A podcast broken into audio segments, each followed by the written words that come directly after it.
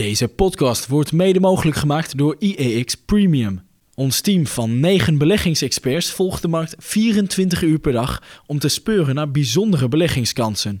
Voor nog geen twee tientjes per maand bent u abonnee en ontvangt u niet alleen digitaal alle analyses en tips, maar ook een tweewekelijks beleggingsblad. AX plus 0,4 op 708 alweer. Het ding gaat harder omhoog dan die Deen, die Vingegaard in de, in de Tour de France, de, de, de gele trui. In ieder geval, het staat op het bord en dan is het zo. En het is vrijdag ongeveer kwart over tien, vrijdag 22 juli. En die zijn we weer met de wekelijkse EX Beleggers podcast. Tegenover mij, hij staat al eh, stevig te grijnzen, want hij heeft er weer zin in. Niels Koerts, aandelenanalist van, uh, van EX.nl. Goedemorgen. Ik ben Aartja Kamp, ik ben marktcommentator van EX.nl en we nemen deze buspodcast weer op zoals gebruikelijk op Busplein 5. En we hebben Koen Grutters hebben aan de knoppen. Die maakt hier een uh, keurige podcast van. En ik zal je vast verklappen, uh, Koen. Er is straks een vraag voor jou. En die mag jij hier aan de microfoon gaan, uh, gaan beantwoorden. En bedank, dank je wel dat je vorige week mijn uh, honneurs waarneemt. Niels, we gaan echt, ja, zoals gewoonlijk weer. Het is 2022. Weer enorm veel bespreken. Want er is weer heel veel gebeurd deze week. We hadden om te beginnen heel veel cijfers. Onze chippers natuurlijk, ASML, BC en ASMI. Gaan we het uitgebreid over hebben. Net als het Chinese SMIC en over uh, TSMC gaan we het ook nog hebben. We gaan het hebben over Tesla, die harde cijfers. En er was ook iets met Bitcoin daar. We hadden nog Netflix. Gisteravond kwam Snap nog even door. Prachtige ook... cijfers waren dat. okay. not. U hoort Niels al even. Ik zei al, hij is niet te houden. Je mag zo, Niels. Dan mag je weer uitgebreid aan het woord. We gaan het hebben over Alberts. Dat vinden wij een heel mooi aandeel hier op het Damrak. En vanochtend, we hebben cijfers van flow traders. En die vallen echt heel slecht. En natuurlijk, gisteren was er dat ECB-rentebesluit met een geheel nieuwe term. Waar een renteverhoging van twee kwartjes, die was eigenlijk wel min of meer verwacht en ingeprijsd. Maar we hadden ook een nieuwe term, Transmission Protection Instrument. We gaan het erover hebben wat dat nu weer is. Om te beginnen nieuws, uh, goedemorgen. Nou, ja, de laatste keer dat we tegenover elkaar stonden was op de, was op de uh, IX Beleggersdag, drie weken geleden. Ja. Het is even wennen zo zonder publiek, hè? Zeker, zeker. Nee, maar het wordt een, weer een ouderwetse podcast, zoals, uh, zoals altijd. We gaan het vooral over aandelen hebben dus. Wat ja, zeker. Maar de ECB had ook wel nieuws, daar moeten we denk ik toch wel over hebben. Met een frisse tegenzin, of niet? Uh, ja, eigenlijk altijd wel een beetje met de, met de ECB. Uh, wat dat betreft, ik vorm daar geen uitzondering op. Ik ben criticus van de ECB en jij volgens mij ook. Ja, wie is het ja. niet eigenlijk? Uh, uh, ja, mevrouw Lagarde zelf. Zoiets, dat zal het zo ongeveer zijn. Wat was, wat, was het, uh, wat was het nieuws? Was dat ook jouw nieuws van deze week? Want daar beginnen we altijd mee, uh, Niels. Nou ja, dat, ja het nieuws van ja, die, dat, die 50 basispunten was wel al ingeprijsd. Dat zag je ook wel aan de beweging van de euro-dollar. Die zag hem eerst wel eventjes oplopen.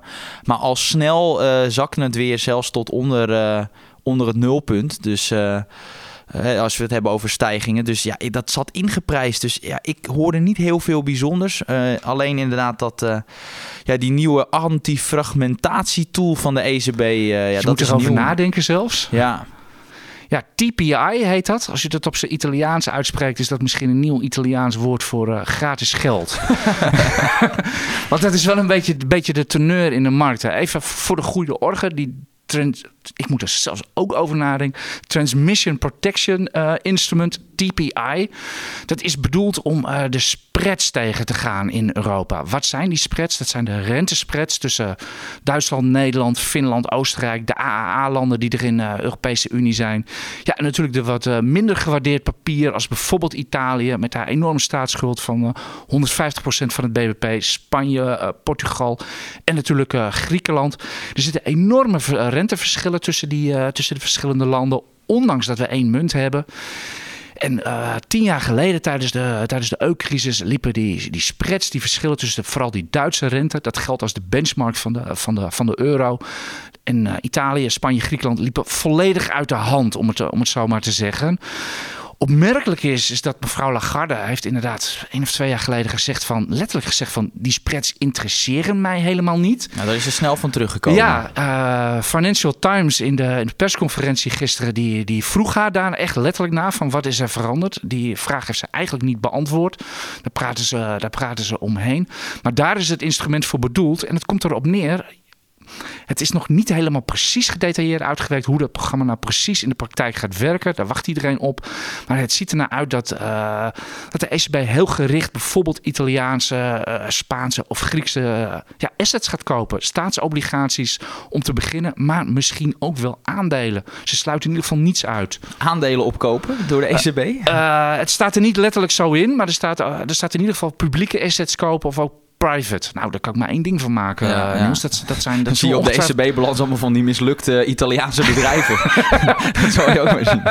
nou, ik denk dat ze eerder de trekkers gaan komen. Okay, ja. dat, dat, dat, doet, uh, dat doet de Japanse centrale bank ook. Dus de grootste koper van Nikkei-trekkers, geloof ik. Uh. Maar in ieder geval, uh, ja, is dit niet in strijd met het mandaat, ja. Niels? Ja, want het mandaat is prijsstabiliteit. En dat is het enige. Ja, Dat, en, en niet het helpen van landen die hun zaakjes niet op orde hebben. Dus, maar je, ik zag ook op Twitter... Jij, jij zegt niet voor landen die hun zaakjes niet op orde hebben. Komt het dan daar namelijk op neer? Ja, dat, als land word je daarmee natuurlijk wel geholpen. Op het moment dat de ECB uh, obligaties van jou als land opkoopt...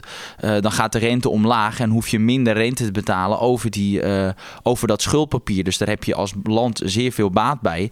En dat geeft natuurlijk ook een incentive om meer schulden te maken. Want ja, de ECB red je toch wel. En dat geld, zo'n land als Italië kan dat geld natuurlijk weer stoppen in bijvoorbeeld hogere uh, bijvoorbeeld een hogere pensioen of een lagere pensioenleeftijd. Want daar zit nogal een verschil in uh, met ons. Nou, betere infrastructuur. Dus ja, zo'n land kan daar gewoon veel meer investeren dan bijvoorbeeld wij, die wat ja, netjes op de centen letten. Dat was vroeger zo, nu is het ook wel wat minder. Maar ja, je wordt dus beloond. Slecht gedrag wordt op die manier beloond. En daar heb ik zelf ook een probleem mee. En ik ben daar niet in de enige, want ja, ik zag op Twitter echt de economen rolden over elkaar heen om, uh, ja, maar dat doen ze toch, dat doen ze toch altijd bij centrale banken? Uh, ja, maar dit is natuurlijk wel. Ja, ik, ja, de ECB is natuurlijk niet in het leven geroepen om, om Italië te redden. Het gaat echt nee, om nee, wat, prijsstabiliteit. Nee, ja, nee, wat dat betreft ben, hoor ik ook bij de kudde. Ik bedoel, de, de ECB is in het leven geroepen om de, om de euro hard te houden. Maar in mijn uh, humble opinion wordt de euro nu gebruikt om de Europese Unie bij elkaar te houden. Ja. En dat is volgens mij nooit de bedoeling geweest. Zullen we het daar maar op houden? Ja. En ja, nou, in ieder geval, dat wil ik nog wel even toevoegen. In ieder geval, ik, ik zag al, uh, ik kreeg al op Twitter kreeg ik een linkje toegestuurd van iemand. Heel hartelijk dank. Dat de markt is al aan het inprijzen. Dat met het vertrek van premier Mario Draghi, dat kwam er nog even bij gisteren. Ja. Hè, er is nu weer politiek chaos in, uh, in Italië. Er gaan verkiezingen komen. Dat uh, handelaren, dat de handel nu al aan het speculeren zijn dat Italië uit de EU gaat vertrekken. Zo. Dus uh, ja, dat is gewoon uh, revisited. Tien jaar geleden hadden we het ook. Europe uh, de Europese crisis. Iedereen was er heilig van overtuigd dat Griekenland uit de Europese Unie ging. Is uiteindelijk niet gebeurd. Op korte termijn beste, gaat het met de, Italië ook ja, niet en de gebeuren. beste belegging, dat is wel de grap. De beste belegging van de afgelopen tien jaar waren die toen werden ze knettergek versleten. Die durfkapitalisten die in 2012 Grieks staatpapier ja. hebben gekocht. Ja, er zat ook wel die een, hebben een rally ja, gemaakt. maar er zat ook wel een risicoprofiel tegenover. Dat kan je niemand aanraden. Kijk, achteraf heeft dat goed uitgepakt. Uh, maar als je zag hoe hoog risico dat was, het is gewoon een blinde gok naar mijn mening. Ja, dat ja, het goed uitpakt, leuk. Maar dan betekent nog steeds niet dat het een goede beslissing is geweest. Nee, nee, nee. Dat was gewoon, dat was gewoon ja, eigenlijk alsof je in crypto gaat, bij wijze van spreken. Of je hebt het is alleen maar risico en je hebt de, je hebt de hoofdprijs of uh, je gaat of gewoon helemaal nat. Nou, dat, daar hou Dus, ik eh, als, als wat meer defensieve belegger hou ik daar totaal niet van. Nee, ik ook niet. Ik beleg voor mijn pensioen en dat ga ik, me de, ga ik, daar, zeker niet, uh, ga ik daar zeker niet aan wagen. In ieder geval cruciaal in deze is vooral de, de Duits-Italiaanse spread, zoals dat dan heet. Het renteverschil tussen die twee. Die gaat u de komende tijd uh, gegarandeerd heel veel om uw oren krijgen. Ook bij ons op IX, bij mij op Twitter uh, gaat u dat regelmatig zien. En hoe hoger die spread, hoe meer er ellende er zeg maar wordt ingeprijsd. Ja, en op IX geeft er ook altijd een overzichtje van bij de slotcall van wat zijn de rentes op dit moment. Loopt dat in lopen die spreads op of loopt dat weer wat meer naar elkaar toe? Uh, dus uh, ja, kijk dat vooral op ix.nl. Ja, misschien misschien uh, belegt u niet in uh, obligaties. Er zullen er inderdaad niet zo heel veel zijn op dit moment. Maar in ieder geval die, die rentes, de obligatiemarkt... moet u echt heel goed in de gaten houden als u in aandelen belegt.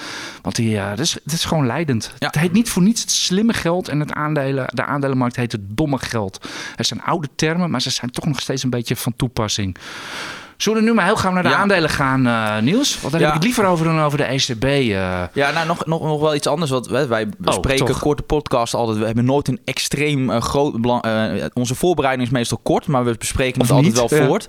En dat doen we meestal op de donderdag. En toen vroeg je me van, ja, wat, wat valt je nou op? En toen viel mij altijd op de milde reactie van, van de markten op de, als het gaat om de bedrijfscijfers. Bedrijven die met toch wel zwakke cijfers komen, werden niet afgestraft. Maar dat was tot donderdag, want toen kwam donderdagavond. Snap. Nou, Snap met cijfers, min 26%. We komen met flow traders, wordt afgestraft. Dus het kan wel degelijk. Maar ik, ja, ik zag in het begin van de week toch wel eh, ja, het sentiment keren. Want waar we zagen met name bij de eerste kwartaalcijfers... dat als het ook maar een klein beetje tegenviel... dan kreeg je al meteen double digits om je oren. Meteen eh, min Ja. 10% of meer. Maar we hebben bijvoorbeeld Bezi gezien eh, gisteren. Nou ja, ik zag die cijfers. Het eerste wat ik dacht, nou we mogen heel blij zijn. Eh, ik ben zelf aandeelhouder dat er niet... Als het, als het, als het blijft bij min 10 en het eindigt gewoon anderhalf procent hoger... op een verschrikkelijke outlook voor het derde kwartaal. Dus ja, echt... Ja, ik was best wel... eh, Er is weer risicobereidheid. Ja, Ja. nou, wat dat betreft natuurlijk ook die, die, die stijging eh, van de AEX. Ik, ik sta er echt van te kijken. En eh je hoort het natuurlijk aan alle kanten. eh, recessie, we zien het in de, in de resultaten. Iedereen klaagt eh, over maar- de supply chain. Hey, je ga, ik ga gewoon, ik verwacht zelf een winstdip. Maar ja, als die er niet komt. Nee, maar ja, iedereen heeft het wel over die recessie. Maar als je nu om je heen kijkt, mensen geven nog massaal geld uit. Een mooi voorbeeld. Ik ben de seizoenkaarthouder van AZ. AZ heeft nog nooit zoveel seizoenkaarten verkocht als nu. En die prijzen zijn geloof ik met 20% omhoog gegaan. 20, ja, daar vindt iedereen, vindt iedereen inflatie wel altijd heel normaal. Er wordt nooit over geklaagd. Nee, bij nee. eh, echt inderdaad die seizoenskaarten van voetbalclubs. Nee, eh. dus en, en notabene, we hadden nog een slecht seizoen ook. Dus, ja, dus mensen willen toch gewoon eh, willen ze erop uit. Dus ja, mensen geven gewoon wel nog steeds hun geld uit. Ik hoop dat ik in deze ontzettend ongelijk ga krijgen. Dat inderdaad eh, die winststip niet komen. Ik heb vanochtend ook in mijn voorbeurscall gezet. Doe altijd één keer per week laat ik altijd even de AX zien versus de verwachte winsten en omzetten. En ja, tot mijn verbazing stijgen die gewoon weer. Ja. Klopt. Dus Dat ziet er goed uit. ja, nou ja, net, net ook die AX weer boven 700. Eh, ik zag het niet aankomen hoor, eh, een maandje geleden. Dus, eh, maar ik laat nogmaals, ik laat me altijd graag verrassen. verrassen door Mr. Market. Oké, jij noemde het al. Ja, Snap, dat ging gisteravond Ja, natuurlijk keihard. ja, die vreselijk van Ja. last van de TikTok, et cetera. Ja. Maar flow traders, ik denk dat we het daarover moeten hebben. Ja, wil je- want Snap gaat wel het verhaal van de dag worden hoor, vandaag. Op Wall Street. Op Wall Street. Want eh 26% lager gaat het naar verwachting openen. En die cijfers zelf over het tweede kwartaal waren fractioneel slechter dan verwacht. Dus dat was nog niet eens het punt. Maar eh, het bedrijf zegt, geeft geen outlook af vanwege incredible challenging... eh, ja, om, eh, ongelooflijk uitdagende omstandigheden, zeggen ze zelf. In het Nederlands vertaald. En wat met name is, al gaven wel een soort van, een soort van guidance over juli. En toen zeiden ze van, nou de omzet is, is deze maand gelijk gebleven in verhouding met een jaar geleden. En wat dacht de markt? 18% groei. Dus dat is zo'n groot gat. Het gaat zoveel slechter met dat bedrijf. Nou, we hebben aan de ene kant komt het door de toenemende concurrentie, maar je ziet nog steeds met die privacy update. Dat hakt er toch echt in eh, bij die sociale media bedrijven. En dat maakt ook dat bijvoorbeeld bedrijven als Twitter, eh, Pinterest, eh, Facebook, dat die ook lager gaan openen vandaag. Ja, ook Twitter komt, er ook, komt er ook met cijfers vandaag? Ja, Of, dat is om, om 12 uur. Dus dat is helaas net voordat we de, net nadat we de podcast nou, opnemen. misschien gelukkig. Ik ga proberen met een update te komen, want ik heb het wel al een beetje voorbereid. Ja, maar, zet het eh, anders in de tekst van onze. eh, hè, we, we zetten altijd op ix.nl. Misschien vist u ons op op Instagram of op, op Spotify of, of waar dan ook. Maar in ieder geval, u kunt altijd even de podcast nalijsten bij ons op de site. Misschien kan je het daar even, even bij gaan zetten, eh, Niels. Maar goed. Zullen we naar Flow Traders gaan? Ja. En ik wil even beginnen met een quote van, van KBC, de, de Belgische Helemaal bank, goed. die, die het aandeel ook volgen. En die zeggen: eh, tweede kwartaal demonstrates the black box nature of the trading business. Kun, Ja. jij, kun jij dat misschien toelichten? Ja, eh? nou kijk, eh, eh, om gewoon eventjes van het begin te beginnen. Als je kijkt naar de gerapporteerde winst per aandeel, die kwam uit op eh, 60 cent. Dat lag boven de verwachting van, van de markt, want die ging uit van 50 cent. Alleen, je hebt het over black box, want waar zit het hem in? Het bedrijf meldt wel degelijk een tegenvaller en die had die tegenvaller niet verwerkt in het netto winstcijfer. En het gaat bijvoorbeeld om de adviseurskosten van 8,5 miljoen. Die kwamen helemaal uit het niets. Had niemand op gerekend, tenminste wij niet. En er kwamen ook nog een keer iets van 3 miljoen extra aan overige kosten. Dus 11 miljoen euro aan exceptionals kwamen erin. Hebben we niet zien aankomen, niemand niet.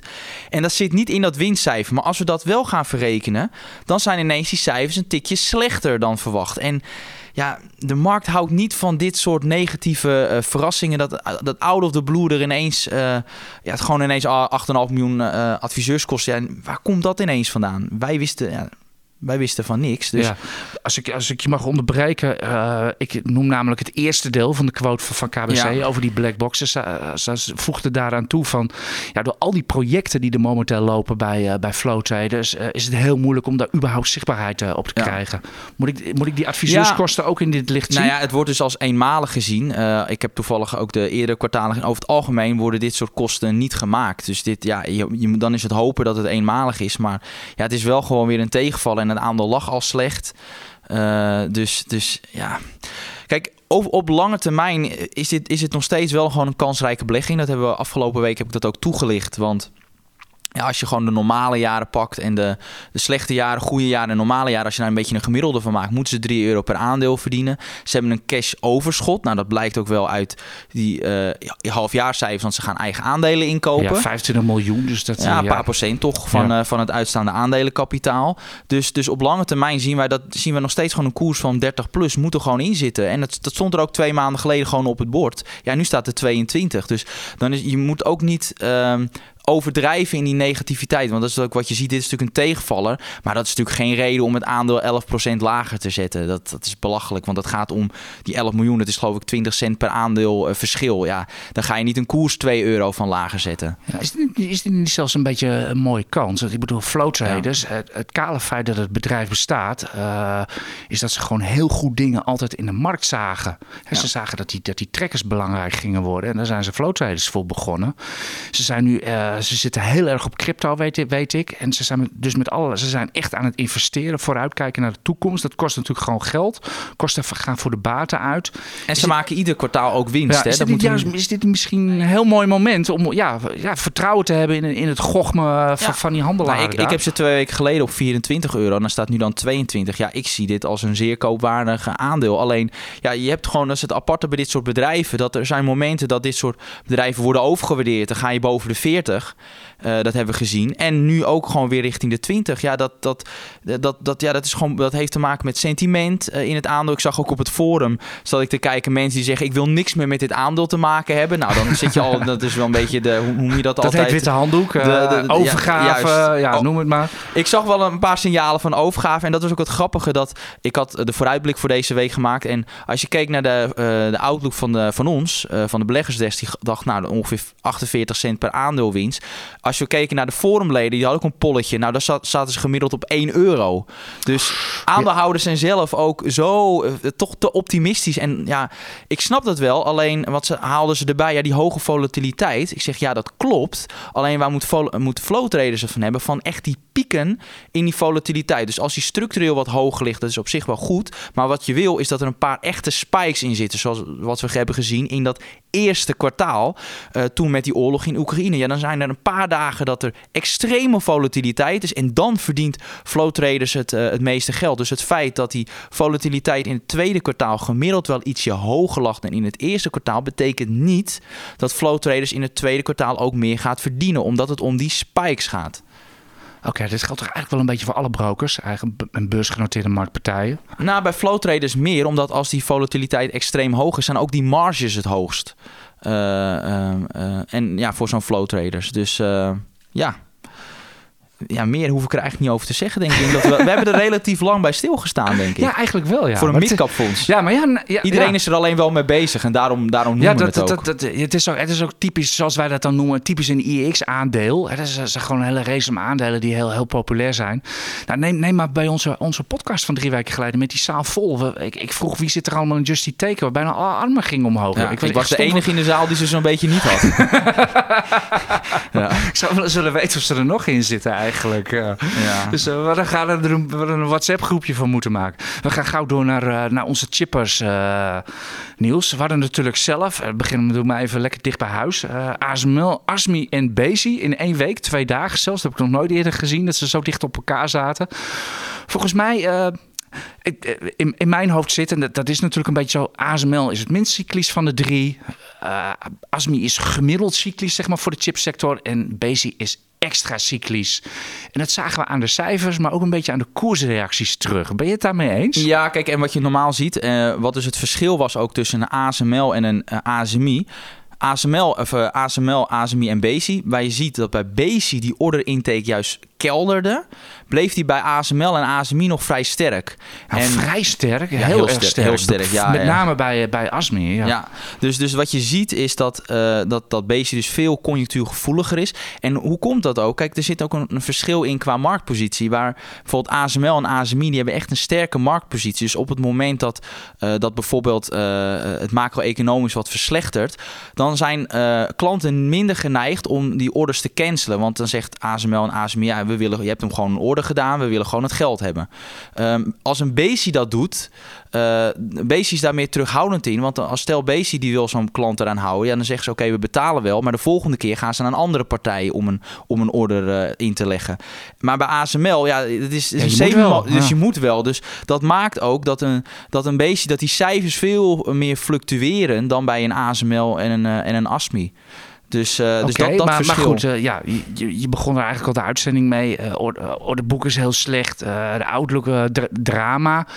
En dan gaat het aandeel, ja, dan denk je inderdaad bij BC, nou dat wordt minimaal min 10 ja. en dan gaat, het, dan gaat het omhoog. Ik, moet, ik zat zelf uh, te kijken van het aandeleninkoopprogramma waar ze mee komen, 300 miljoen. Eigenlijk hebt u op 7,5% van de totaal uit... Ja, ja, dat is gewoon 7,5% En nog 6% dividend. Hè? Dus, dus dat is natuurlijk wel fors. En ik denk met name dat dat grote aandeleninkoopprogramma dat ze aangeven van nou, dat is een soort van signaal van nou op korte termijn is het even slecht, maar op lange termijn blijven wij enthousiast. En ik denk dat dat misschien een reden is dat de markt denkt van nou, oké, okay, we kijken hier eventjes overheen. Het aandeel is natuurlijk al behoorlijk teruggezakt. Uh, met name ook begin deze week zag je ook dat ASML ASMI die gingen hard omhoog, BC omlaag. Dus blijkbaar zat er al iets van... Ja, misschien, uh, misschien een BC gisteren zelf ja. de koers al hoger gezet... om meteen het hele programma nee, er doorheen te rammen. Nee, dat denk ik niet. Dat denk ik niet. Maar dus, da, daar, zit, daar zit gewoon een verschil in. Ik, volgende week zit Paul Wetelingen. Ik denk die zal er ook wat, uh, wat dieper op ingaan dan, uh, dan wij. Ja, nou, in ieder geval Paul Weteling is onze tech-analyst. En die hebben we voor volgende week uitgenodigd. Want dan hebben we ook heel big tech in Amerika... of half big tech in Amerika ook gehad. En daar gaan we het even uitgebreid daarover hebben. Uh, ik, vond, ik vond zelf bij ASMI vond ik het, uh, vond ik het orderboek uh, er enorm uitspringen. En bij ASML, je gaf het al een beetje aan, je moet wel. Die, die schuiven gewoon moeiteloos de omzet gewoon door naar, naar volgend jaar. Eigenlijk is dit jaar zwaar teleurstellend. Hè? De omzetgroei gaat van plus 20% naar min 10%. Dan denk je ook van, nou die koers die kan wel wegduiken, maar... Nee, maar omdat gewoon de verwachting, kijk op lange termijn eh, komt het allemaal goed en beleggers weten dat. Dus ja, dan zijn ze ook eerder geneigd om, om, het, uh, om ASML het voordeel van de twijfel te geven. Ja, ik had ook niet verwacht dat omhoog, plus 4 eindigt het zo'n beetje op de cijfers of plus 3.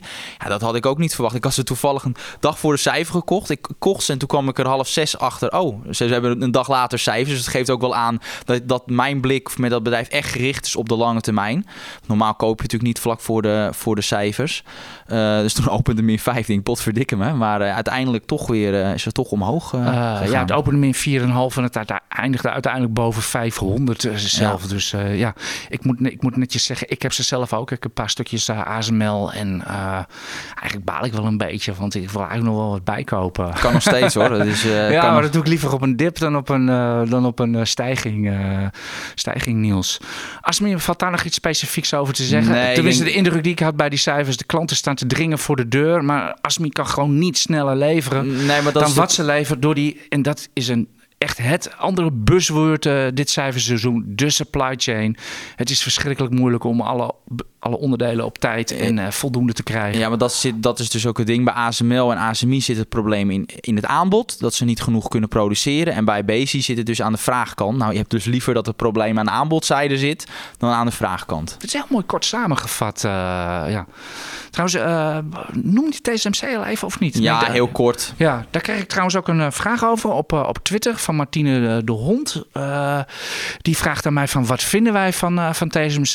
Ik denk dat vinden wij een ja. heel mooi bedrijf. Vinden ja, wij een heel mooi aandeel. Maar wat ingegaan. we precies vinden staat allemaal op bij ons op de site. Ja, daar zijn we vorige week ook op ingegaan toen jij op vakantie was. Dus. Ah, ik heb niet teruggeluisterd. Nee, dus maar dat hoeft ook dat niet. Moet, als je op vakantie bent, hoeft dat ook niet. Nee, ik, nee, ik laat echt, als ik op vakantie ben, dan, laat, dan kijk ik niet naar de markt. Nou, jij dat, kijkt echt niet naar de markten als jij weg bent. Nou, ik kan dat dus niet, want ik ben gewoon verslaafd. Ik kijk gewoon iedere dag of ik nou vakantie ben of niet hoor. Dat uh, maakt mij niet uit. Zelfs Ja, ja. toen ik op het, op het circuit zat. Gewoon toch eventjes, als er, een, als er een rode vlag is, toch even kijken wat de aandelen doen. Ja, dat is niet anders. Ja, nee, ik hou het. Ik, ik bedoel, eh, ik hou er een enorm tempo op na. Hou ik alleen maar vol als ik eh, een paar keer per jaar even helemaal eh, offline ga. dus trouwens, om nog even terug te komen, TSMC kunt je op de site lezen. Uiteraard ook ASML, ASMI en BC. En ja, ik denk dat we het wel aardig gescoord hebben. Paul Weteling in, in deze ook van. We zeggen het eigenlijk steeds van ja, op korte termijn eh, die, die chippers, eh, de- wat de koersen gaat doen, dat is echt een eh, black box.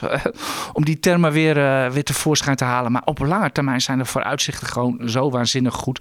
Dat er geen enkele reden is om die aandelen weg te doen. Ja, nee, kijk, sinds de start van de beleggersdes, dat was in 2017, zijn we ook echt al jaren eigenlijk altijd positief geweest over die chippers. En ja, tussentijds hebben we echt een enorme daling gezien. Maar op lange termijn, in die vijf, vijf jaar, heb je toch gezien dat dat toch de sector is waar je uiteindelijk eh, moet zijn. Dat dat toch eh, de sector is die het beste heeft Ja, gepresteerd. en misschien ook nog wel om een andere reden. Dat was heel grappig. Een dagje voor de cijfers maakte ik een eh, verhaaltje over dividendaandelen. En het viel mij gewoon op. Denkt u natuurlijk niet aan ASML bij een dividendaandeel. Dat doet eh, 1% dividend of zoiets op dit moment. Maar het gaat vooral om dividendgroei. En bij ASML is al tien jaar lang het dividend enorm hard aan het groeien. En van de week maakten ze bekend dus dat ze kwartaaldividend gaan uitvoeren, gaan, eh, gaan invoeren. En verder hebben ze daar eigenlijk geen toelichting op gegeven. En nou zat ik even bij mezelf te denken. Ik denk dat ASML echt een dividendaandeel wil geworden. En misschien, wil dus, misschien zelfs wel voor een status van dividend Ja, aristocrat is, is wel lastig opteert. hoor. Ik zal, ik zal dat toelichten, Niels. Ze komen natuurlijk in november, eh, of eind dit jaar, komen ze met een strategie-update ASML. Hè, hoe ze hun productiecapaciteit willen gaan uitbreiden. Ik verwacht door deze mededeling dat ze dan ook een dividendbeleid gaan presenteren. Waardoor ze ook eh, gewoon ons beleggers echt aan hun aandeel willen gaan, eh, gaan binden. En niet alleen maar weer dat, dat cyclische bedrijf zijn... waar het het ene jaar heel veel verdiend wordt... en het andere jaar gewoon huilen is. Ik, eh, ik verwacht er eigenlijk wel veel van. Zullen wij verder gaan met de vragen... of zullen we eerst nog een ander aandeel Nee, doen? ik denk dat het wel een mooi moment is om naar de luistervragen te gaan. De luistervragen. Laten we beginnen met een vraag van Wouter Kistenmaker. Hij vraagt: hoe kom je nou tot een goede multiple eh, om de waardering van een aandeel eh, te bepalen? Nou, denk- gaat u er even goed voor zitten, zou ik zeggen. ja, dus eh, denk ik, ik verm- vermoed dat het een vraag voor mij is. Oh. Ja, omdat ik ben de ik analist. snap daar niks van. Nee, jawel, maar ik ben natuurlijk de, de analist bij IEX. Ja, ik geef deze vraag graag aan jou. hoor. Ja. Nee, voor mij is inderdaad zijn een aantal zaken zijn leidend. Allereerst de vrije kaststroom van een bedrijf. Dus eh, ja, hoeveel geld er daadwerkelijk de ondernemingen instroomt. Dat eh, is voor mij leidend. De rente. Nou, dat is dus ook een van de redenen waarom markten altijd naar, graag met veel interesse naar het rentebesluit kijken. Omdat dat invloed heeft op de waardering van aandelen. Dus ik neem wel degelijk de rente mee. En ik neem ook de beta van een aandeel mee. En wat is, houdt nou de beta in? Stel een aandeel heeft een beta van 1. Dan betekent dat als de AIX bijvoorbeeld 1% stijgt, dat een ASML ook gemiddeld met 1% stijgt. Nou, aandelen met een hoge beta zijn naar mijn mening iets risicovoller. Die zijn wat risicovoller. En dan eis ik dus ook een hoger rendement. Dus dan eh, wil ik iets, een iets lagere prijs betalen voor het aandeel. Dus oftewel, als een aandeel een hogere eh, beta heeft, dus meer risico eh, heeft, dan geef ik dus een extra discount wil ik op dat aandeel. Dus ja, ik neem dus, dus dat soort, soort zaken mee. Dus kaststromen, rente en ook de, ja, de, het risico van een eh, profiel van een aandeel. Die beta, dat is inderdaad een, een van de zeven eh, risicofactoren die er zijn. Om een voorbeeldje te geven, uit mijn hoofd even. eh ArcelorMittal heeft een beta van iets van 2. Hey, u weet, het beweegt altijd keihard op en neer. En KPN heeft, dacht ik, de minste iets van 0,4 of zo. Dus ja, eh, Wolters Kluwer zit ook op 0,3. Want ja, dat, nou ja, dat ik- weet u ook. Dat zijn staan- aandelen, die staan altijd in de middenmoot. eh. Ja, en nog één dingetje wat ik nog vergeten ben te zeggen. Uiteraard, het schuldniveau neem je natuurlijk ook mee. Want als een bedrijf heel veel schulden heeft, dan kunnen ze natuurlijk minder uitkeren aan aandeelhouders. Want dan moet bijvoorbeeld geld van de vrije kaststroom moet bijvoorbeeld worden gebruikt om schulden af te lossen. Dus, dus eigenlijk zijn het vier dingen. eh, dus rente, eh, de, ja, dus, de kaststromen, rente, schuldniveau en de beta. Dat zijn echt de vier belangrijkste dingen die je, die je meeneemt. En dan ook allerlei andere zaken als marge en zo. Maar ja, dat, dat zijn een beetje heel veel dingen. Maar eh, dit zijn ongeveer de belangrijkste zaken die ik meeneem. Nu een vraag van Julian Knevel. En die is denk ik wel voor jou. Eh, ik zou graag jullie mening willen horen over Nancy Pelosi en haar man in zaken insider trading. Ah jee. Oh, ja. Oh jee, dit is, dit is, eh, dit is politiek en daar brand ik liever nooit mijn vingers aan. Inderdaad, eh, Nancy Pelosi, eh, voor, is het nou voorzitter van de Senaat of het huis? Eh, huis, geloof ik, hè? ja ik, Oh, dat oh huis jee. dacht ik, ja, een van de twee. We hebben de vragen niet voorbereid, zoals 50% u hoort. Dus, dus één van die twee. Maar in ieder geval, ze hoort echt bij het meubilair van het eh, congres. Zeer invloedrijke vrouw. Eh, ze is getrouwd en haar man eh, mag graag op de beurs handelen. En dat gaat met flinke bedragen. En ja, gelet op de transacties eh, die hij doet, eh ja, rijzen er heel veel vragen in de markt altijd op. Dat is, dat is, al, dat is al heel lang zo. En ehm, in de afgelopen tijd eh, hebben ze Apple verkocht, of een gedeelte van Apple. En toen was het nieuws van, eh, dat er een zaak tegen Apple liep, et cetera. Eh, ze hebben Nvidia gekocht. En eh, een week later zijn er weer allerlei subsidies voor de, voor de chipindustrie. Dus daar hangt inderdaad continu een lucht en zweem omheen van... hey, wisten we hier iets, iemand iets van tevoren? En ja, ja, in Amerika mag dat. Ik bedoel, eh, parlementsleden daar, die- ja, die mogen gewoon handelen, treden, beleggen waar ze maar zin in hebben. Hier in Europa mag dat niet. Hier Nou in, hier, jawel, nee. ehm, Oh, in, ehm, in Nederland is het ook zo dat met name ministers die mogen zelf niet handelen. Dus die moeten dus door een andere partij laten doen. En ook in Nederland is het zo dat Kamerleden mogen wel degelijk zelf ook aandelen kopen. Alleen, wanneer wordt het natuurlijk een probleem? Stel dat jij wo- een woordvoerder bent bijvoorbeeld op het gebied van financiën. Dan zijn er, gelden er wel extra restricties. Want eh, misschien wat we weten in het verleden, bijvoorbeeld die nationalisatie van SNS, hè, waar dus de, de staat een bod deed van welgeteld 0 euro. dat wisten de Kamerleden al twee weken van tevoren. Nou, als je dan die geheime inzage krijgt, dan mag je absoluut niet handelen. Eh, maar dus, dus, eh, dus, dus ook in Nederland mogen Kamerleden wel handelen. Maar ja, op het moment dat, dat je iets weet, en ab mag dat natuurlijk niet. Ja, maar ze hebben toch allemaal een hekel aan aandelen. Dus hoeven niet zo bang voor te zijn, Ehm, toch? Ja, ik denk dat de meesten niet erin zitten. Nee, nee. Maar de ministers, echt, dat is echt een no-go. Die mogen het absoluut niet, eh, Ja. niet doen. Nou, om even terug te komen op mevrouw Pelosi. Ja, ja, wat mij betreft, ja, het, het is net wat ik zeg. De- eens in de zoveel tijd duiken er allerlei voorbeelden op, eh et cetera. Ja, vecht u zelf een oordeel. Ik vind het van de idioten. Dat politici die, eh, die gewoon altijd voorinformatie hebben, altijd meer weten dan u en ik, dat die überhaupt eh, iets mogen doen op de beurs. Ik vind het prima als ze iedere maand in trekkers beleggen of wat dan ook. Dat moet iedereen kunnen doen. Maar echt actief handelen, et Nee. cetera. Het gold zelfs voor de uitvoerende leden van de Federal Reserve. Die mochten ook gewoon in futures handelen. Ja. Dat is afge- afgeschaft. Ja, jij zegt het al, het is te zot voor woorden dat dat, dat, dat soort dingen überhaupt, eh, überhaupt konden, konden. Je hebt een publieke functie, je weet meer en dan mag je gewoon niet handelen, klaar. Nu een vraag van Alanine, als ik haar naam goed uitspreek. Ehm, via Instagram is, is die vraag binnengekomen. Nou, die ze zegt van... We weten inmiddels alles over de Deutsche Telekom van Niels... de trekkers van, A, eh, van AJ en zijn ASML-aandelen. Maar hoe ziet de portefeuille van Koen er nou precies uit? De, Van Koen, de knoppenman. de- juist, de man achter de knoppen. Nou ja, Nou, Koen, kom er maar bij Ja, dan. Je ja, mag ja. een full disclosure eh, afgeven. eh. Ja, dat mensen mij nog willen horen nadat ik, nadat ik jou vorige week vervangen heb. De vraag kwam trouwens niet via Instagram, maar onder de slotcall van gisteren. Maar eigenlijk is mijn portefeuille heel saai. Ik heb een, ehm, een klein plukje ASR op aanraden van, eh, van Niels Koers een eh, paar maanden geleden gekocht. En verder zit ik met het overgrote deel in, eh, in wereldtrekkers van iShares en Vanguard.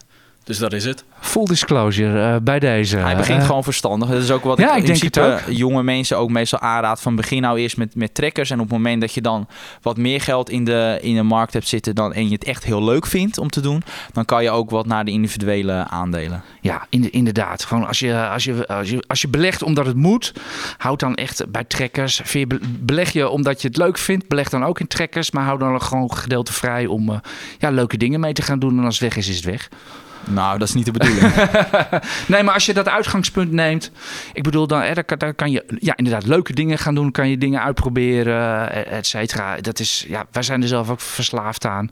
Maar dan zorg je in ieder geval dat je een veilig potje hebt met, eh, met, met inderdaad wereldindex trekkers. Of waar je volker maar naar uitgaat. Ja. Volgende vraag. Eh, nou, ik heb ze gehad hoor. Ja, ik Maar had wacht, ik- omdat ja, jij had- ook nog vragen had. Ja, ik ik, had, van, ik had nog eh, een hele leuke. Dat was een beetje een inkruid eh, grap. Ik, ik, ik zoek hem even in mijn Twitter We wachten. feed. Oh jeetje, dat zijn er weer zoveel. Dat was over, ja, oh ja, Mr. Kamp van Harry de Kunning. Meneer Kamp, wordt er op de beurs nog steeds gewet over hoeveel renners de eindstreep halen? Nou, hele actuele vraag over de Tour de France. Uh, het is inderdaad waar. Uh, vroeger, toen er nog echt een optievloer was, met, hè, met die handelaren die stonden te schreeuwen en, en te doen in de regel was het in juli altijd stil op de beurs. En ja, die lui die moeten gaan adrenaline in de aderen hebben. Dat is ook de reden waar ze onze optiehandelaren hadden. Dus die maakten zelf een markt in hoeveel renners er inderdaad Parijs haalden. En dan kon je dan poets en kools, et cetera, opkopen. Dus dat, dat werd dan allemaal onderling verrekend, et Een beetje een soort van zwarte gokmarkt of zo was ja, dat. gewoon een zwarte gokmarkt op de, op de vloer over inderdaad hoeveel renners, uh, of hoeveel renners eruit, eruit gingen en Parijs zouden halen. Ongetwijfeld, nou, er is natuurlijk geen fysieke vloer meer, maar ongetwijfeld zijn er nu ook nog handelsdesk waar dit soort dingen gebeuren. Chatgroepen van handelaren waar ze, eh, waar ze, waar ze dit soort dingen doen. Dus ik denk dat het, nog, ik denk dat het fenomeen nog steeds bestaat. Want uh, adrenaline in de markt, het zal denk ik nooit uitsterven. Nee, zeker niet. Um, ja, Hebben we nog meer vragen of zijn ze nee, het, zijn zijn het, het moet ook wel een beetje... We hebben nog Tesla staan. Nou, je Netflix. het. Dan gaan we maar gelijk, uh, gaan we maar gelijk door naar, naar Tesla. Beginnen we met de cijfers van Tesla of, de, of, de, of de, die ene verkoop die ze gedaan hebben? Ja, die, die ene verkoop is misschien wel interessant. Nou, laten we daar maar mee besluiten. Wij, wij zijn serieuze aandelenbeleggers, uh, Niels. Dus uh, laten we het eerst maar even over die, die cijfers hebben. Wel de cijfers? Ja, ik vind ja, het ik, ik, vond ze, ik, ze, waren, ze waren minder. overigens ongeveer in lijn, met, in lijn met de verwachting. Maar ik vond het eigenlijk wel hele knappe cijfers. Gezien de enorme problemen die er zijn... Hè, Tesla ook, de supply chain. Shanghai was natuurlijk wekenlang dicht. Uh, openen ze ook nog even twee van die Gaiga factories. De, de topman heeft ook, is ook nog wel eens uh, elders met wat dingetjes bezig. Ja. U kent hem. En u weet ook wel waar ik op doel. En dan toch, uh, en dan toch eigenlijk wel hele goede resultaten. Ja, nee, ben jij dat eens? Of ja, zie name die omzet was beter dan verwacht. Alleen wat je normaal gesproken uh, niet wil, is dat als je omzet beter dan verwacht is, dat dan je marge slechter uitvalt. Want meestal als je omzet beter is dan verwacht, dan hou je meer om, omzet. Meestal is dan die winstgevendheid ook beter. Maar dat viel een beetje tegen. Maar goed, daarvoor hebben we natuurlijk die redenen die jij net allemaal noemde. Ja, dus... dat zijn die sterk gestegen uh, grondstofprijzen. Maar Tesla wist ook de prijzen te verhogen. Ja, dus, dus, dus nee, en sowieso, het zijn allemaal marges waar een gemiddelde General Motors en Volkswagen echt alleen maar jaloers op kan zijn. Dus, dus dat is gewoon goed. Um, ja, en wat me ook wel opviel was dat hun omzet uit zonnepanelen, dat steeg met 25%. En dus nu hun aandeel als het gaat om energieopwekking en opslag, dat is nu goed voor 6% van de totale groepsomzet. Dus dat... Uh, ja, ze doen echt wel meer dan het bouwen van, uh, van elektrische auto's. Dus ook dat het opslag okay, dat van... Is, uh, dat, is leuk dat, je dat, ja. dat is leuk dat je dat gezien hebt. Want inderdaad, ze zijn natuurlijk maar zo... Ik heb eerlijk gezegd niet zelf gezien. Ik heb het gepikt van onze analist Paul Weteling. Uh, nou ja, maar goed, hij, hij is ook de analist. Hij kan daar even uren aan besteden om even goed in die cijfers te kijken. Ik heb altijd vijf minuten om dat te doen en jij, jij dan iets langer. zo hebben we dat ongeveer de workflows verdeeld bij, bij IEX. Maar het is inderdaad wel... Inderdaad, zoveel jaar geleden zijn ze die batterijen en en, en zonnepanelen business uh, begonnen. Vervolgens niet zo heel veel meer van gehoord. Maar Eigenlijk nog steeds niet, maar het is ons opgevallen dus. Ja, nee, maar ze in principe gewoon... Zitten ja, daar ook hoge marges op? Is dat inter echt interessante business? Dat je denkt Oeh. van, hé, hey, dit is ook een goede reden om het aandeel misschien dat te kopen? Dat zou ik niet weten. Dat, uh, dat, uh, misschien wil Paul daar volgende ja, week wat over... De, nou, ja. volgende week kan Paul daar misschien wel wat over vertellen. Ja. Nou, gaan we, gaan we daar zeker even over... Want dit is echt wel even een leuke item. Gaan we daar zeker even op... En wat natuurlijk goed, goed nieuws was natuurlijk... die productie in Shanghai was in juni op recordniveau. Dat was wel al bekend. Want uh, ze hadden eerder die productiecijfers kwamen natuurlijk al naar buiten. Maar dat is toch ook wel iets dat... Nou, ik, ik, kijk, dit vind ik nou echt ja. typisch. Dit vind ik echt typisch Tesla, Musk en, uh, en misschien ook wel gewoon China. Er ligt zo'n fabriek, ligt gewoon weken plat. Starten ze weer om en ze boeken gelijk productierecords. Ja. Er zijn bedrijven die daar uh, niet over hoeven te pijnzen dat ze dat, uh, nee, dat, ze dat voor elkaar nee, krijgen. dus het gewoon, gewoon goed. Dus uh, nee, al met al een dikke strik. En ik geloof dat aandeel ook plus 10 ging op de cijfers. Dat was natuurlijk wel, is wel fors. Dus, uh, ja, maar het gaat altijd bij hard bij ja. Tesla. Hè? Ja, er was er, er, was er, was er nog, uh, we noemden het al even, er was nog een één akkefietje bij, uh, bij Tesla. Ja, dus en de, ja, de, de, de, de regel in, in het persbericht en in, in de fiets, et cetera, was ze hebben 75% van hun bitcoin holdings hebben ze transferred, zo stond het er, in fiat geld. Um, ik las het meer als een soort van cryptoiaans taalgebruik voor. We hebben, uh, we hebben al 25% verlies genomen op onze positie. ja, dat, die positie staat, die staat wel onder water. Ik geloof dat hij op de ja, top 50, gekocht... Ja, 23%. Uh, ja. ja. Nee, Ja. maar het- op zich, het viel me nog wel mee met hoe hard die crypto, eh, hoe die, hard die bitcoin coin daarop onderuit ging. Want ik weet nog toen Musk kocht, was het helemaal een hype, ging, ging het heel hard omhoog. Dus eh, maar ja, misschien ook een teken van dat hij eh, toch niet zo... Ja, ze hebben natuurlijk ook een beetje geld nodig. Omdat eh, ja, als hij natuurlijk Twitter moet overnemen, dan eh, gaat dat met aandelen Nou ja, het was Tesla. natuurlijk ook daar in eh, Shanghai was de, was de cashflow even opgedroogd. Hè? Ja. Dus eh er was gewoon even acute cashbehoefte bij, bij Tesla. En dat hebben ze op deze manier gedaan. Intussen is... ehm, ja, zag ik al heel veel boosheid eh, op, op Twitter en ook op blogs, eh, et cetera, over ja, maar Elon Musk had beloofd dat hij Bitcoin eh, nooit, nooit zou verkopen. Ja, ik zou zeggen, wen er maar aan op de, op de financiële markten. Nooit is nooit nooit. Een ondernemer die zegt dat hij iets nooit gaat verkopen. die notabene miljardair is. Ik zou zeggen, eh, leert je hier uw eh, nederige, nederige beursles. Eh, ja, zo, Zo beloftes. eh, niet. ja, ik heb het zelf ook. Ik bedoel, ik, ik zeg altijd dat ik trekkerbelegger ben, maar als ik inderdaad een kans zie, dan koop ik het ook. Je, Ja, je moet gewoon opportunistisch zijn. An- op de ander beurs. voorbeeld, ik geloof dat Prozus ook zei van nou we gaan echt niet meer Tencent verkopen. Nou we hebben het gezien, de, de discount in dat aandeel Prozus liep zo hard op dat ze zegt nou we doen het toch wel en we kopen allemaal aandelen Prozus op. Dus ja, weet je wat kun je daarmee? Dan moet je gewoon een beetje ah, ja kijk, luister er ja. niet naar, laat ik het zo zeggen. Nee, nee, precies. Neem het gewoon met een, met een eh, korrel zout. En ik zou zeggen, koop dan om fundamentele redenen koop bitcoin. Als je het koopt omdat, eh, omdat, eh, omdat eh, Elon Musk daarover twittert, eh, ja, dan moet u toch echt wel even bij uzelf te raden. hoor. Ja. Een ander We, gaan- gauw door naar het volgende aandeel. Ja, Netflix. Want wat ik vooral een mooie quote vond van eh, CNBC, de zakenzender, die zeiden, die hadden wel een mooie samenvattend van de cijfers. Ze zeiden, de aandeel of de, de cijfers zijn beter dan gevreesd. Normaal zeg je altijd beter dan verwacht als de cijfers beter, maar dit was beter dan Want wat werd er gevreesd. Nou ja, eh, een, een, een keldering van 2 miljoen eh, eh, abonnees. Nou, dat, 2 miljoen ja, dat was abonnees. verwacht. Het was dan 960.000. Wat me dan wel weer opviel, die, 960.000. ja, maar ze hebben er je natuurlijk ook zal, wel... daar, je zal daar op de abonnementendesk werken, joh. Dat, eh, dan krijg je iedere seconde, ik wil het toch opzeggen. Nee, maar dus wat me wel opviel, die outlook was dan wel weer iets minder dan verwacht. Dus eh, ze zeiden van, nou, we rekenen op een plus van eh 1 miljoen abonnees. En ik geloof dat de markt rekende op 2. Dus dan kan je zeggen van, nou ja, dat is negatief. Maar toch, ik denk dat de markt al tevreden is dat ze weer rekenen op groei dit kwartaal. Dus dat is, eh, dat is positief. Maar wat met name waar dat bedrijf last van heeft, is ook die sterke dollar. Omdat als jij 60% van jouw omzet in het buitenland haalt, ja, als dan die dollar eh, echt aansterkt, ja, dan gaat die winstgevendheid in dollars zakt dan terug. Eh, en dat, dat zag je ook wel in de, in de cijfers. eh, als je daar gaat- heeft het hele exporterende Amerikaanse bedrijfsleven last van. ja, want, want je ziet ook in die cijfers omzet plus 7%. Ja, in dollars. Maar als je je daarvoor corrigeert in constante valuta, noemen we dat dan, was het plus 13. Dus ja, zo zie je wel. Dat is echt een gat van 6%. Dat is echt fors hoor. Oké, maar nu zit hij misschien tegen u eh aandelen Netflix aan te kijken die meer 60 staan. Is niet dit jaar de hele beleggingspropositie van Netflix compleet veranderd? Nou, ik, ik, Ik, ik bedoel, ga niet vo- voetstoots vanuit dat over twee jaar die, die, die top weer op het bord staat. Hè? Nee, oh nee, dat zeker niet. Nee. Maar wat ik wel positief, en dat is wel een dingetje wat ik eruit wil pikken. Bijvoorbeeld het aandeel in die televisiemarkt die zij hebben, die is wel gestegen tot 7,7%. Oftewel, het aantal minuten dat mensen toch kijken naar eh, Netflix, eh, dat neemt echt toe als je het vergelijkt ten opzichte van het totaal. Dus je zie- ziet het marktaandeel van die online streamingdiensten, waar Netflix dus ook onder valt, dat neemt toe ten opzichte van de traditionele kabeltelevisie. Ondanks dat de concurrentie toeneemt. Ja, eh, dus ondanks dat steeg dus wel een aandeel in die markt. Dus dat, is wel, eh, dat vond ik wel positief. En ik denk dat dat ook de reden is waarom dat die koers omhoog Ja. gaat. Je zei al even, Tesla is, is, heeft echt een eh, veel hogere, veel hogere marges dan de, dan de concurrenties. We kennen natuurlijk Apple, die als enige echt hoge marges maakt op smartphones.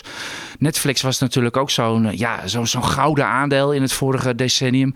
Gaat het ook een partij worden die maar structureel toen- hogere marges haalt dan de Ja, maar concurrentie? Netflix had helemaal niet zulke hoge marges. Hoor. Ze brandden gewoon geld. Alleen die waardering was extreem. Want het was toen gewoon in november... hot. was het gewoon normaal om 90 keer de winst te betalen. Ja, dat is meestal vragen om ellende.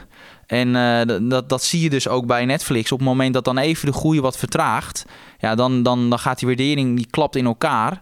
En dan zie je dus dat zo'n aandeel 60% kan, eh, kan dalen. Terwijl de omzet en winstgevendheid dit jaar gewoon toeneemt.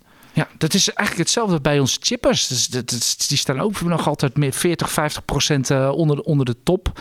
Terwijl de omzet eh, en winstlijntjes die, die, die gaan maar omhoog. Het is gewoon echt puur die waarderingen die eruit zijn Ja. gelopen. En daarom moet je ook naar rentes kijken. Ja.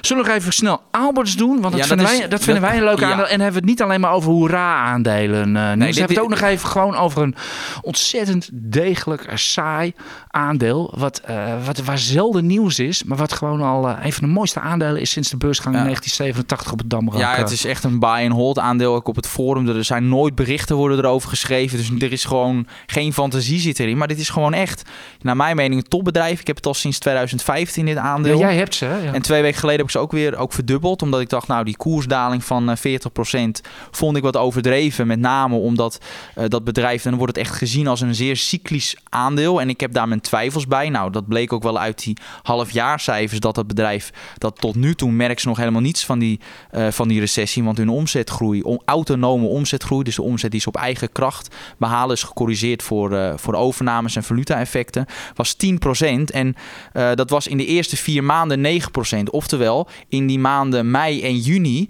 eh, is die groei juist versneld. Dus het gaat alleen maar beter met, met eh, Alberts. Maar ondanks dat het dus ook werd beloond, die cijfers, staan ze nog steeds meer dan 30% lager dit jaar.